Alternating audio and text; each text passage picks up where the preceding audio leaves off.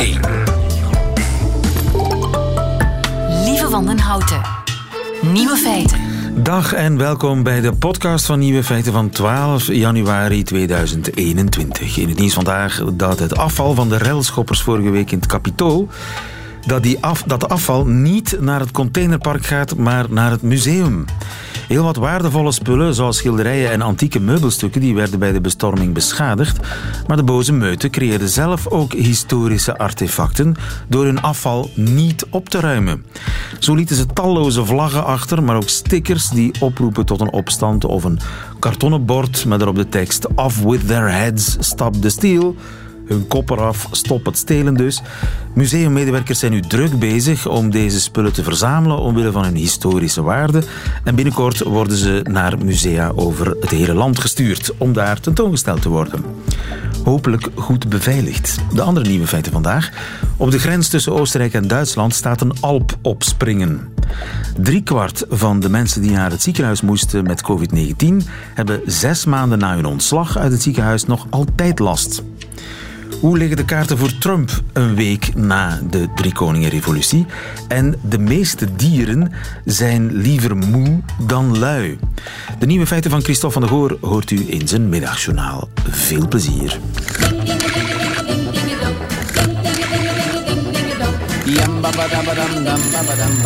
Nieuwe feiten. Rick Torps is tegen de afzetting van Donald Trump. Gun de man geen martelaarschap, zegt de professor op Twitter. De beste manier om zijn macht te breken is hem niet afzetten.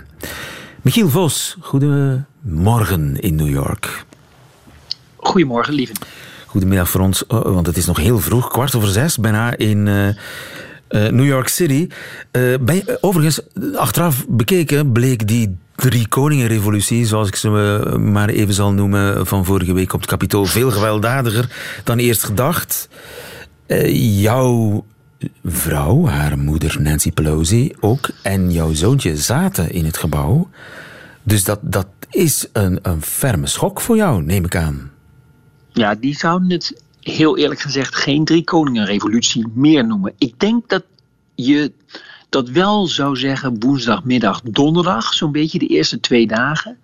Maar nu, een paar dagen later, zijn we erachter dat het veel gewelddadiger was. Dat er veel meer doden zijn gevallen natuurlijk. Maar dat er ook veel meer intenties waren om mensen wellicht te gijzelen. Uh, stafleden wellicht te gijzelen. En misschien wel de moeder van mijn vrouw, de Speaker of the House, Nancy Pelosi. Um, dat het allemaal toch wel meer kantje boord was en dat het veel erger had kunnen zijn. En zij, inderdaad, mijn vrouw en zoon zaten in de.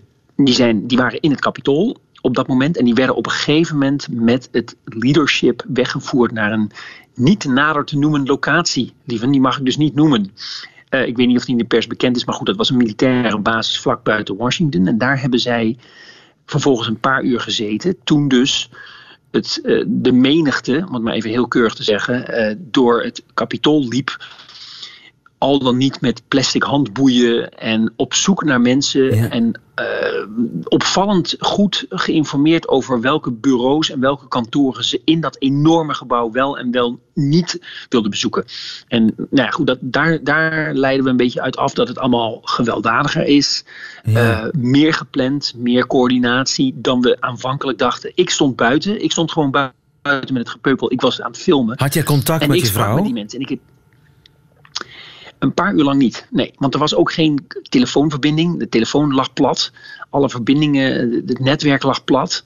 Dus het was heel vreemd. Ik wist op een gegeven moment een laatste tekst die ik van mijn vrouw kreeg, die zei: It's getting weird. Het wordt een beetje gek hier. We zien um, door de ramen mensen, zeg maar, hè, letterlijk de heuvel opklimmen. Ik zag mensen buiten aan, aan elektriciteitskabels de muren beklimmen, letterlijk de muren opklimmen met een enorm overwinningsgevoel. En uh, het, het, idee dat Trump's Amerika eindelijk een keer het toppunt van het establishment had overwonnen, namelijk, overwonnen, namelijk het kapitool. Dat is een enorm symbool, symbool. Maar dat was buiten. Ik wist niet lange tijd ook die middag dat ze ook al binnen waren. Rond, ik geloof al rond één uur, half twee. Ik was met die meute gegaan van het Washington Monument bij het Witte Huis eerder op de ochtend naar het Capitool. Dat is een anderhalve kilometer, twee kilometer. En bij het Capitool was het een soort van pandemonium. Waar, waar mensen de trappen beklommen, de muren beklommen. Overal waren mensen opgeklommen. Ook op het podium, wat al klaar is voor de inauguratie van Biden. Maar binnen was het dus nog veel angstiger. Want die mensen zagen door de ramen eh, die menigte op zich afkomen. En kwamen erachter dat ze veel te licht beveiligd waren. Ook daar weten we nu meer over. Ja, en, en dan wordt het uh, de echte, de grote, de leiders, de echte leiders, die worden meteen het gebouw uitgesmokkeld. Is dat via ondergrondse gangen? Juist, ondergrondse gangen.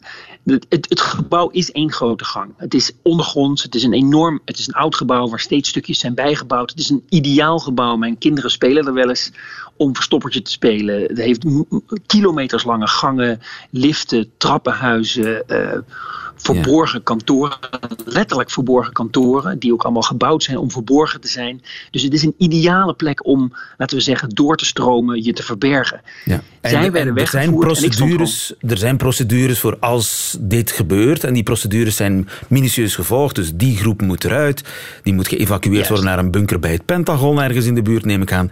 Uh, die mensen worden in verborgen kantoren gestoken, waar overigens een, een uitbraak van COVID-19 niet uitgesloten is lees ik op Twitter. Al, allerlei ja, klopt. daar opgesloten, met name democratische parlementsleden, zijn door republikeinse parlementsleden die weigerden om een mondkapje te dragen besmet.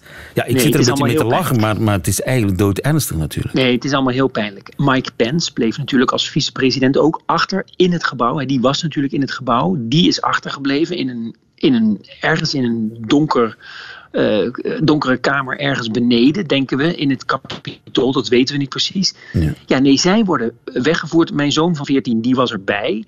En die zei, het ging heel snel. We renden door de gangen en het was gewoon echt, als uit, hij zegt dan, als uit de film. Weet je wel, als uit een soort van Kiefer Sutherland-achtige ja, een film. die zeker ooit gemaakt zal worden. Oh, meerdere films neem ik aan over die hele episode. Nu, uh, die tweet van Rick Torfs, hè, uh, omdat het is allemaal nogal, uh, nog veel gewelddadiger en bloediger uh, dan het eerst gedacht. Gijzeling misschien, dat is dan nog zacht uitgedrukt. Misschien was het de bedoeling om, om een politieke moord te plegen. Misschien wel op jouw schoonmoeder. Niemand, zal het, niemand weet het zeker op dit moment.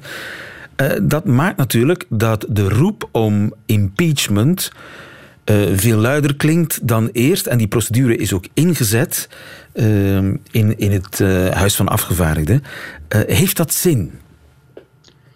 Ja, meneer Torfs heeft wel een goed argument. Je maakt een martelaar wellicht van hem als je hem zeg maar vlak vijf voor twaalf aan het eind van zijn ambtenaarschap als we dat zo mogen noemen, nog eens een keer impeach voor de tweede keer. Hij zal zeer waarschijnlijk niet worden veroordeeld door de Senaat, immers nog in handen van de Republikeinen deze dagen. Ja, dus maar wat steeds minder Republikeinen steunen Trump toch? Hè? Is dat, zeker dat, dat, dat, hij het, dat hij het haalt in, het, in de Senaat? Het is niet, nee, het is niet zeker. Het, het, is ook, het is zeker dat enkele Republikeinen in het huis de Democraten zullen steunen in de impeachment. Maar de veroordeling in de Senaat, daar is nog minder over bekend. Maar je hebt gelijk, het zou heel goed kunnen dat die wel degelijk wordt veroordeeld. Je maakt misschien voor een deel van Amerika van hem dan toch nog een martelaar. Terwijl hij nu al zo in de hoek zit. Want dat zegt meneer Torfs eigenlijk. Dat is niet meer nodig, het impeachment. Want hij wordt al nu door alles en iedereen, met name de politiek. Maar ook bijvoorbeeld zakelijke belangen. Hè, Deutsche Bank bijvoorbeeld. Of de PGA Golf Tour. Of de, een belangrijke voetbalcoach die geen medaille wil ontvangen meer uit de handen van Trump. Hij wordt door iedereen eigenlijk verlaten. Hij is nu ook eenzaam achtergebleven, een puinhoop achterlatend, zowel op COVID-19 gebied als op, laten we zeggen, constitutioneel democratisch gebied, waar iedereen eigenlijk van links tot ook aan rechts voor een groot deel, niet iedereen, maar wel veel mensen, de schuld voor afgelopen woensdag zeker indirect leggen bij Donald Trump. Ja, zijn état de grâce, zoals de Fransen zouden zeggen, die, die is... Uh, ja, die duurt natuurlijk maar zolang je wint. Hè. Als je begint te verliezen, valt de volksheld snel uit de gratie. Nee, er is inderdaad weinig graas meer over.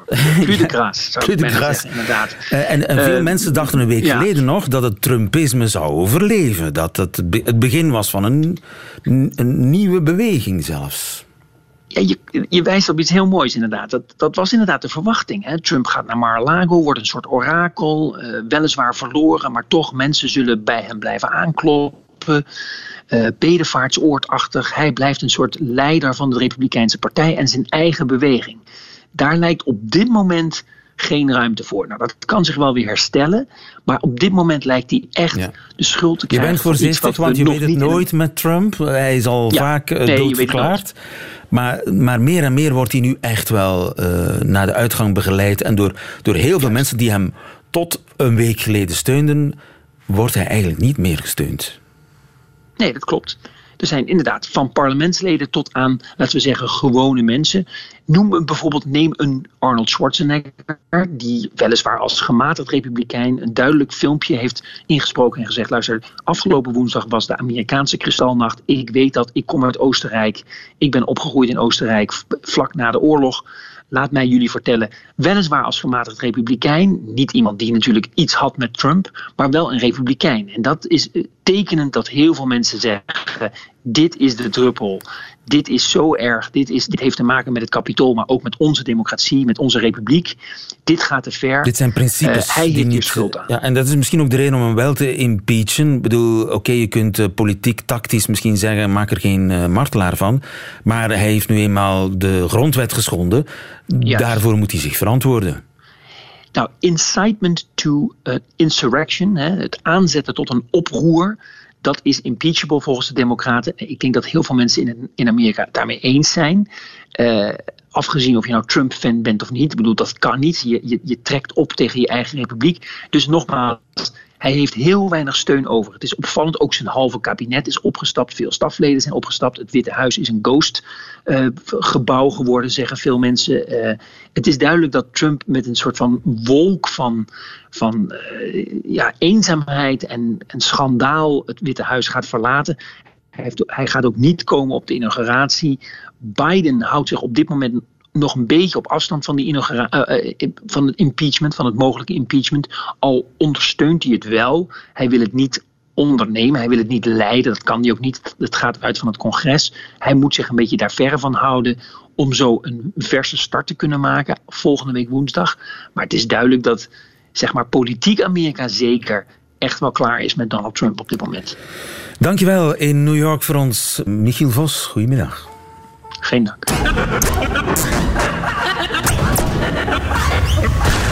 Nieuwe feiten. Er staat een alp op barsten. De Hochvogel, een piek van bijna 3000 meter ergens op de grens tussen Oostenrijk en Duitsland. Goedemiddag, Koen van Noten. Goedemiddag, lieve. Je bent geoloog aan de Koninklijke Sterrenwacht en uh, jouw collega's die zijn klaar collega's in uh, Duitsland of in Oostenrijk, daar wil ik vanaf zijn, die zijn klaar met een rapport over de gespleten piek van de hoogvogel. Hoe breed is de kloof? Ja, dat klopt inderdaad. Deze piek in de Alpen um, vertoont een barst die recht door de top loopt. En je kan zelfs gaan kijken op uh, Google Maps dat deze piek nu al zo'n uh, die barst eigenlijk al zo'n 5 meter breed is en een 30 meter lang, die echt dwars doorheen die top loopt. 30 meter lang, 5 meter breed, dat is al een serieuze kloof. Dat is een serieuze kloof. En als je zelfs langs de zijkant van de top gaat kijken, loopt deze barst helemaal door naar uh, de onderkant uh, van, van deze top. Um, wat dus eigenlijk wil zeggen dat die barst erdoor loopt en dat er een, een stuk massa is uh, op deze top die instabiel is en uh, eventueel zou kunnen instorten. Naar beneden donderen? Jaren. Ja, dat klopt. De top van de berg kan afbreken en naar beneden donderen. Zijn daar dorpen in de buurt? Um, er zijn uh, langs de Duitse kant um, een aantal dorpen. Langs de Oostenrijkse kant is het uh, minder bevolkt, maar toch, we spreken hier over massa van ongeveer 260.000 kubieke meter. Dat zijn ongeveer duizend Olympische zwembaden vol gesteente materiaal dat zou kunnen afstorten. Dus ja. dat is een gigantische massa dat naar beneden kan komen. En weten we al naar welke kant dat die gaat vallen? Gaat die naar Duitsland of naar Oostenrijk vallen? Het is, um, de onstabiele kant is de Oostenrijkse kant. Um, waar geen dorpen zijn. Um, ja, maar natuurlijk de vallei. Er, er is wel uh, bevolking die daar wandelt. Uh, er dus, zijn veel uh, wandelpaden en, en bergbeklimmers ja. en zo. Zoals jij bent ook een amateur bergbeklimmer, heb ik begrepen. Ja, dat klopt. Dat klopt. Um, men heeft nu wel, al gelukkig heeft de, de overheid de Oostenrijkse kant, dus de normaalroute langs de Oostenrijkse kant, al afgesloten sinds 2014, omdat men echt zag dat deze piek instabiel is. Ja, um, en en dat, ja. ze meten hoe snel de barst verbreedt. Hoe meten ze dat? Men meet dat door uh, seismometers eigenlijk, kleine geofonen, dat zijn kleine seismometers te plaatsen op de losse kant van de gesteentemassa en ook op de, de vaste kant van die top. Geofonen? ja, geofonen. Dat zijn uh, seismometers die, die hoogfrequente trillingen kunnen meten. Maar het zijn een soort telefonen. Fonen is geluid, dus ze luisteren eigenlijk naar die berg. Ze luisteren, ja, inderdaad. Ze luisteren naar het, naar het gesteente. Het, het gesteente zingt als het ware. Um, eigenlijk trilt het gesteente rond, rond zijn eigen as. Um, we noemen die trilling is een eigen frequentie. Je kent wel het voorbeeld dat een uh, operazangeres zingt op de eigen frequentie van een glas, waardoor dat het glas breekt. Ja. Zo heeft elke materiaal zijn eigen frequentie. Ja. En met die seismometers um, meet men eigenlijk de tempo waarmee dat die losse massa trilt. En dus als daar dat dat wisselingen tempo... in zit, als, als dat plotseling heviger gaat trillen of hoger gaat trillen, betekent dat, oei, er gaat iets gebeuren. Ja, inderdaad. Dus men, men heeft gemeten dat bijvoorbeeld s'nachts is dat tussen vijf en zeven keer dat die per seconde trilt. Uh, overdag is dat iets sneller, omdat je gesteentemassa zich uitzet, um, dat dat sneller trilt. Maar als dat tempo constant blijft, is er niet zoveel gaande. Vanaf dat dat tempo gaat verhogen, ja, is een soort als waarschuwing dat er iets op til is. Um, en dan, dat is het soort van monitoringssysteem dat ja, men ja. probeert te installeren op die Alpentoppen. En als het plotseling extreem zou zijn, dan kun je zeggen van ja, binnen het uur of binnen de dag is die bergtop naar beneden gedonderd. Ja, Voorlopig is men nog niet in staat om echt te, gaan voorspellen. Van, zie, die, die, spreken we hier over uren, over dagen. Uh, we weten dat die top al meer dan 100 jaar eigenlijk zich aan het openen is. Dus men weet nog niet zo goed hoe snel, uh, over hoe snel spreken we. Maar desondanks wil men wel een monitoringssysteem uh, installeren op die Alpentoppen. En is er een gemiddelde snelheid waarmee die, die berg open aan het klappen is? Um, nee, dat weet men nog niet, want men meet nu dat er, dat er een paar millimeter per maand dat die barst zich aan de top zich opent. Een paar millimeter um, per maand? Ja. Dat klinkt weinig, maar toch, is eigenlijk heel veel. Ja, het is aanzienlijk. Als, als, je, als je weet dat de barst vanaf de 19e eeuw, eind 19e eeuw ontstaan is, um, een paar millimeter per maand, dan zitten we aan 5 meter nu um, in 2021. Ja, dus. Uh, en daar zitten zo van die, van die telescopische meetstangen in, neem ik aan, in die barst ook. Ja, dat zijn meetstangen met, met veren uh, die eigenlijk ook meten, nauwkeurig meten hoe breed dat die barst zich uh, uitzet per maand. Ja. Dus we tot op de millimeter meten. Is dat eigenlijk elders ooit al eens gebeurd, dat uh, een, een top afkraakt? Ja, dat, ik denk het bekendste voorbeeld is de zoegspitsen. Um, men heeft onderzoek gedaan dat meer dan 3000 jaar geleden eigenlijk de zoegspitse nog een 3000er was. Um, maar dat dus zijn 3000 top eigenlijk verloren heeft. En al die massa ligt nu in de vallei. En, en er zijn zelfs al dorpen gebouwd op de massa die toen is afgestort. En is dat een normaal natuurlijk proces, dat bergtoppen splijten en naar beneden vallen? Of, of is dat, wat is ja, de oorzaak daarvan? Ja, tuurlijk. Dat is, de Alpen is eigenlijk een, een, laten we zeggen, een bergketen dat in verval is uh, dat, en dat onder erosie is, dat al enkele miljoenen jaren natuurlijk bezig is. Um, zelfs de Ardennen was bij ons ook vroeger, een, uh, 300 miljoen jaar, was dat een hoog gebergte dat ook volledig geërodeerd is en waar dat we nu eigenlijk de kern van dat gebergte zien. Ja, ja. Dus, dus het is eigenlijk gewoon erosie onder invloed van de elementen. Ja, inderdaad, onder invloed van de elementen. Daar zit geen onder, onder, ondergrondse stuwkracht achter. Ja, de, de, het, uh, laten we zeggen dat de Alpen in een soort rektoestand is, dus dat die zich eigenlijk langzaamaan aan het inzakken is. Um, en wat en, uh, erosie ja, versnelt dat ja, ja. wordt uh, door dit proces versneld. En de opwarming van de aarde, heeft dat een invloed? Ja, dat heeft er ook iets mee te maken natuurlijk. Um, een aantal toppen in de Alpen die zitten voortdurend onder permafrost. Wat wil zeggen dat de, de bodems daar voortdurend bevrozen zijn. En het ijs in de ondergrond, uh, ja, dat, dat, is een soort van cement dat die toppen ook samenhoudt. Aha. Als de, als de klimaatverandering uh, ja, nog toeneemt en de temperatuur, dus onze sneeuwgrens gaat naar boven en die permafrost gaat ook naar boven, ja, dan kunnen meer toppen eigenlijk instabiel gaan worden doorheen de tijd. Dus dat is ook zeker iets dat we in het oog moeten houden. En hoe meten ze dat? Of de ondergrond nog bevroren is? Men heeft bijvoorbeeld, um, op de Matterhorn heeft men eens elektrische metingen toegepast.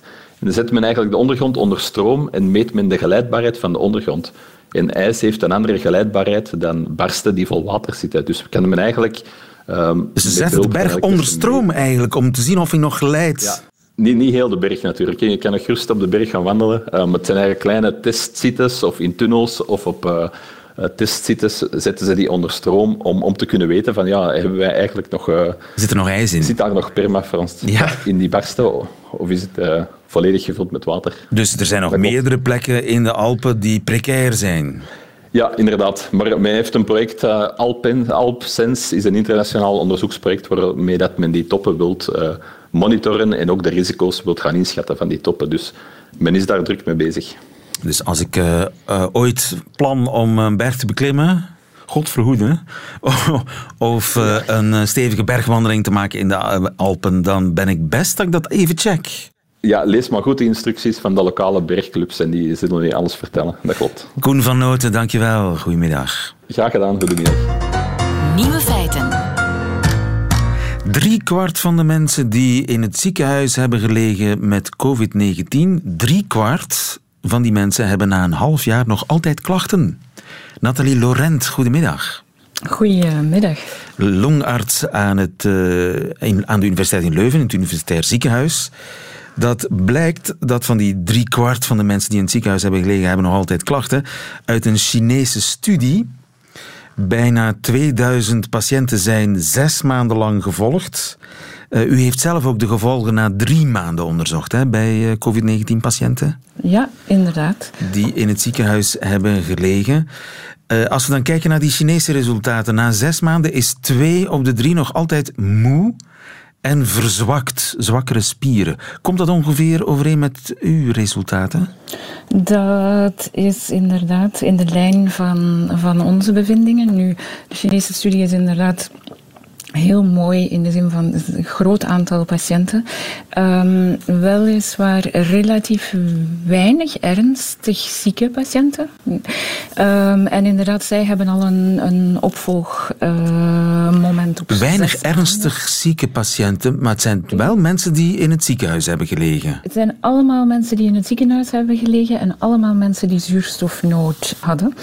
En dus wel allemaal de mensen die, die het overleefd hebben natuurlijk. Hè. Dus maar er is toch een verschil in aard en ernst van de ziekte tussen de, de Belgische ziekenhuis-COVID-patiënten en de Chinese?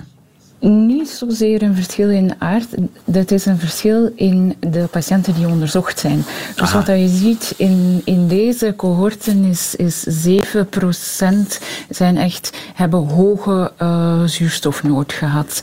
Waaronder 7 procent. Uh, en bij ons is dat meer. Ja.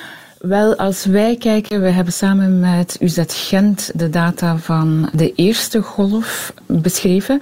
Die zijn op, dat is een follow-up tot drie maanden. En in onze cohorten is 30, 40 procent. Um, maar dat, is dat toeval, dat verschil? Dat is denk ik inderdaad toeval. Hangt een beetje af van hoe dat je de selectie van patiënten ja, ja. doet. Ja. Dus op, op dat vlak niet. Maar dat maakt het ook des te verrassender dat toch zoveel patiënten nog met klachten zitten nadien. Ja, zelfs al waren de klachten oorspronkelijk lichter. Zelfs ja, na zes maanden uh, is twee op de drie nog altijd zwak en moe. Eén op de vier heeft slaapproblemen en depressies. Ja, ja. Um, naar slaapproblemen hebben wij niet zo echt gepost. Maar die, die moeheid, um, al dan niet kortademigheid en inderdaad een verminderde inspanningscapaciteit is een heel frequente klacht. Ja, en, en dat ja. speelt natuurlijk ook een rol in die depressies. Want als je moe en zwak bent, ja, dan ben je al sneller neerslachtig, neem ik aan. Ja, absoluut. Dat is waarschijnlijk een, een deel van de verklaring. Maar je moet ook ja, zien heel de, heel de omstandigheden die bij een hospitalisatie voor COVID-19 uh, horen, is, is zeker niet evident. Uh, patiënten liggen geïsoleerd, worden verzorgd door mensen in, in, in pakken die ze met moeite herkennen. Contact met familieleden is beperkt. En zij hebben natuurlijk ook alles gehoord wat er in de media is van COVID, een ernstige ziekte als je in het ziekenhuis belandt. Um, hoog risico op blijvende letsels, op zelfs overlijden. Dus dat speelt wellicht allemaal mee in, ja. in, het, in het verklaren van die symptomen. Dus een kwart van de mensen heeft na een half jaar nog altijd uh, depressies en slaapproblemen. 10 procent, 1 op de 10, nog altijd de Chinese studie, uh, heeft nog altijd zijn geur en smaak niet helemaal terug.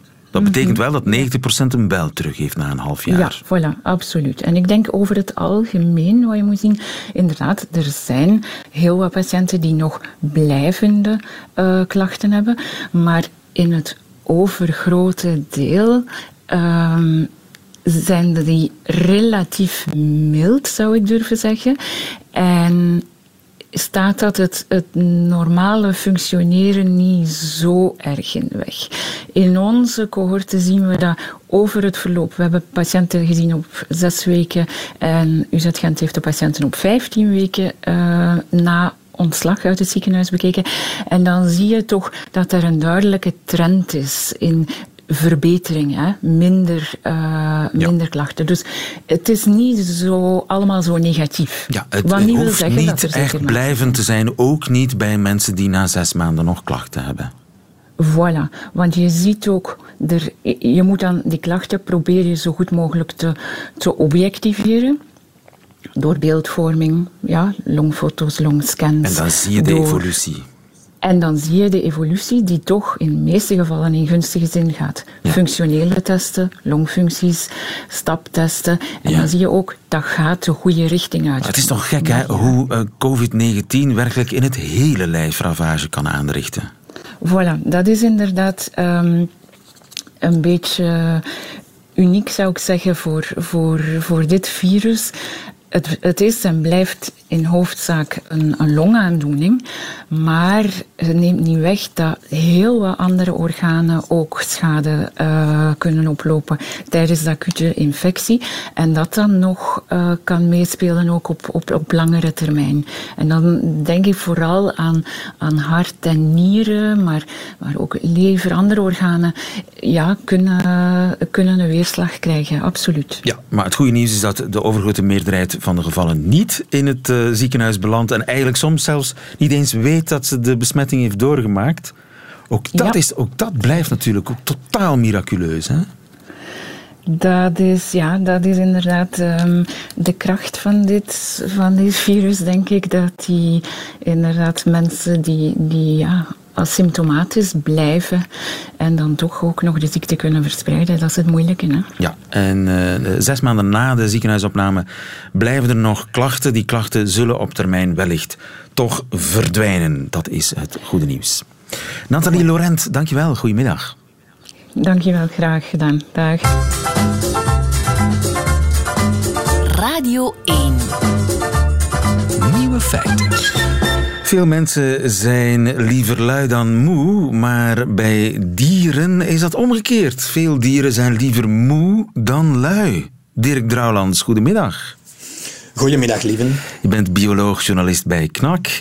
En uit recent onderzoek blijkt bijvoorbeeld dat geiten graag werken. Ja, het is een bizar verhaal. Het is een verhaal dat al een tijdje teruggaat en dat men met een heel ingewikkelde naam contra-freeloading heeft uh, gedoopt. Contra-freeloading. Ja, freeloading. Eh, dus dat je, je krijgt eigenlijk bij wijze van spreken uh, je eten voor je neus gezet zonder dat je daar inspanningen voor moet doen. En als men nu dieren, zoals ratten, geiten, muizen, kippen, de keuze laat tussen eten zomaar krijgen, hè, voor niks bij wijze van spreken, zonder inspanningen, en een inspanning moeten leveren om aan exact hetzelfde eten te geraken, zowel in kwaliteit als in hoeveelheid, dan gaan veel dieren de moeite gaan doen. Dus niet de free lunch uh, nemen, maar gaan kiezen voor de grote inspanning, de activiteit. Dus uh, geiten, als je, als je daar een kom eten voor een neus zet en een kom eten, dezelfde kom eten achter een deur, dan kiezen geiten voor het eten achter een deur. Dat, ze, ze willen liefst eerst ervoor werken. Ja, dus ze moeten in het geval van het experiment dat, uh, dat ze recent gedaan hebben en gepubliceerd is in Scientific Reports, en toch wel een ernstig vakblad, ze moeten dus een schuifdeur open doen om aan dat eten te geraken, terwijl er naast die schuifdeur een deur open staat waar dat ze zo binnen kunnen wandelen. En toch gaan ze in meer dan de, de, de grote helft van de gevallen de inspanning leveren om die deur gaan open te doen. Dus het, uh, en, en het intrigerende is, want dat is, het is niet typisch des geids, het is echt voor de nee. meest, bijna alle dieren. Het, is voor, het, is, uh, het gaat bijna, het gaat op voor bijna alle dieren die ze getest hebben. En, maar dat is, ik moet er wel direct bij zeggen, het is nog nooit vastgesteld in de natuur. Dus het is alleen in, bij dieren in gevangenschap, dus zowel gedomesticeerde dieren, maar ook dieren in dierentuinen, zoals giraffen en grizzlyberen, daar hebben ze dan mee geprobeerd. Dus in die gevallen gaan ze dan vaststellen dat die beesten dus effectief liever meer inspanningen doen dan, dan bij wijze van spreken op een lui gat blijven zitten naast een bakje met eten. Dat is toch wel merkwaardig, hè? Ja, maar mijn eerste reflex toen, dat, eh, toen dat ik die studie zag, was toch van, uh, van ja, dat is een logisch gevolg van het feit dat veel dieren in gevangenschap zich stierlijk vervelen en dat die blij zijn dat er is iets gebeurt waardoor dat ze iets anders kunnen doen en een inspanningsje moeten leveren en daar dan misschien wel wat plezier uit, uh, uit puren.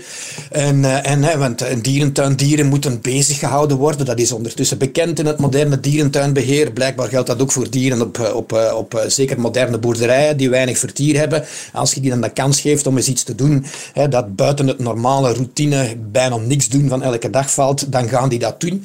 Want... Uh, als je de overzicht bekijkt van alle studies die ze met die dieren in gevangenschap gedaan hebben, dan blijkt dus van als de honger groot genoeg is, dan doen ze het niet meer.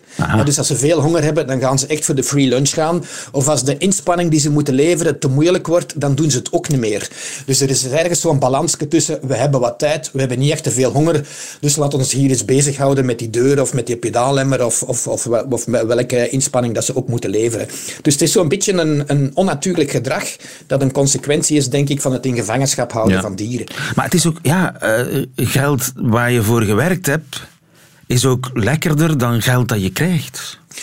Ja, er is, iets, eh, er is waarschijnlijk een, een, analogie te maken naar de mensenwereld. Hoewel dat ze, ze hebben ook al wel geprobeerd om te kijken of dat bij studenten bijvoorbeeld werkt. Dat, dat, dat contra-freeloading, dat is hetzelfde concept. Maar ik heb die studies eens bekeken en dat is toch wel heel tricky om daar diezelfde interpretatie aan vast, aan vast te hechten. Het werkt niet bij studenten. Ja, ik, het, niet, volgens, volgens dat ik kon zien, hebben ze daar toch wel heel sterk aan moeten trekken om daar een bepaalde interpretatie aan te geven. Wat dat wel heel grappig is, is dat er is tot dusver maar één diersoort waar het niet bij marcheert. Laat mij raden. ja. Garfield. Absoluut. De kat. in, die, in die studie waarin dat ze die katten, eh, want die is ook relatief recent gepubliceerd, in die studie waarin dat ze dat geprobeerd hebben met katten, staat letterlijk als conclusie: cats prefer to be served. katten geven de voorkeur aan bediend te worden. Eh, Geef ze dat je leven niet kunt voorstellen. Ja, voilà, ja. Dus... Maar dus er, wordt, er wordt echt gezocht naar verklaringen. En effectief, dat, dat gaat dan soms in de psychologische richting, dat de dieren toch proberen een soort van controle te krijgen op een leefomgeving door iets te moeten doen. Dat ze een vorm van voldoening halen door het feit dat ze iets gerealiseerd hebben. Dat soort verklaringen. Terwijl ik eigenlijk denk van ja, die, die zijn zich gewoon aan het vervelen en die, zijn, die zijn blij dat ze iets anders kunnen doen. Ja. Wat dat mag, hè, er is niks mis mee. Maar het, uh, om daar dan zo'n geweldige zware term als contra-freeloading op te plakken, dat is er misschien toch wel wat over. Ledigheid is des duivels oorkussen, hè? Dirk Drouwlands. Ja. Dat weten ook uh, dieren. Maar daar trekken katten zich niets van aan. Inderdaad. Dirk Drouwlands, dankjewel. Goedemiddag. Nieuwe feiten. Dat waren ze, de nieuwe feiten van 12 januari 2021. Alleen nog die van Christophe van der Goor, onze sportza-collega, krijgt u in zijn middagjournaal. Nieuwe feiten. Middagjournaal. Goedemiddag. Ik zou nog één keer willen terugkomen op de bezetting van het Capitool in Washington. Niet om het over de hallucinante situatie aan zich te hebben, noch over de veelbesproken man met onbloot bovenlijf en dierenmuts. We hebben immers allemaal gezien wat we hebben gezien. Nee, tussen al dat heftigs door werd mijn aandacht plots naar de reporter van CNN gezogen. Klein van gestalte, zwart mondkapje aan, een live view op de rug.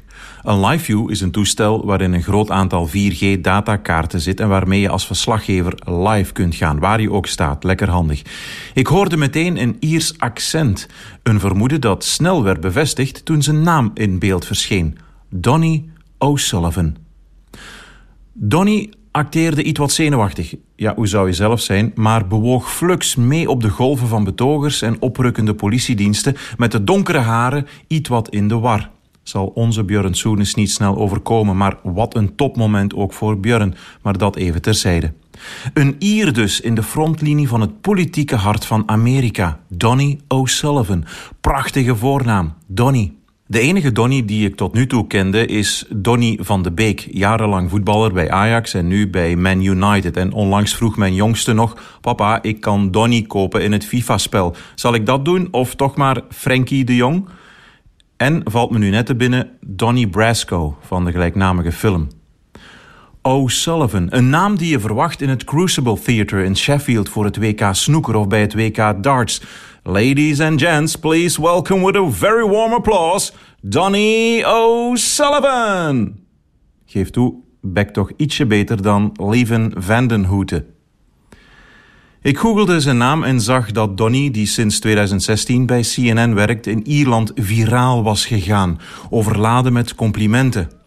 O'Sullivan, gespecialiseerd in het ontmaskeren van desinformatie en fake news, werd geprezen. Ierland was trots en vader en moeder werden thuis geïnterviewd, jawel. As a kid, I was always interested in a good story. No, never afraid, Donny, mompelde zijn vader. Naar verluid hebben Donny's collega's over de grond gerold van het lachen omdat ze Pa O'Sullivan amper konden verstaan. Maar na afgelopen week is één ding duidelijk. Donny is op weg naar de top.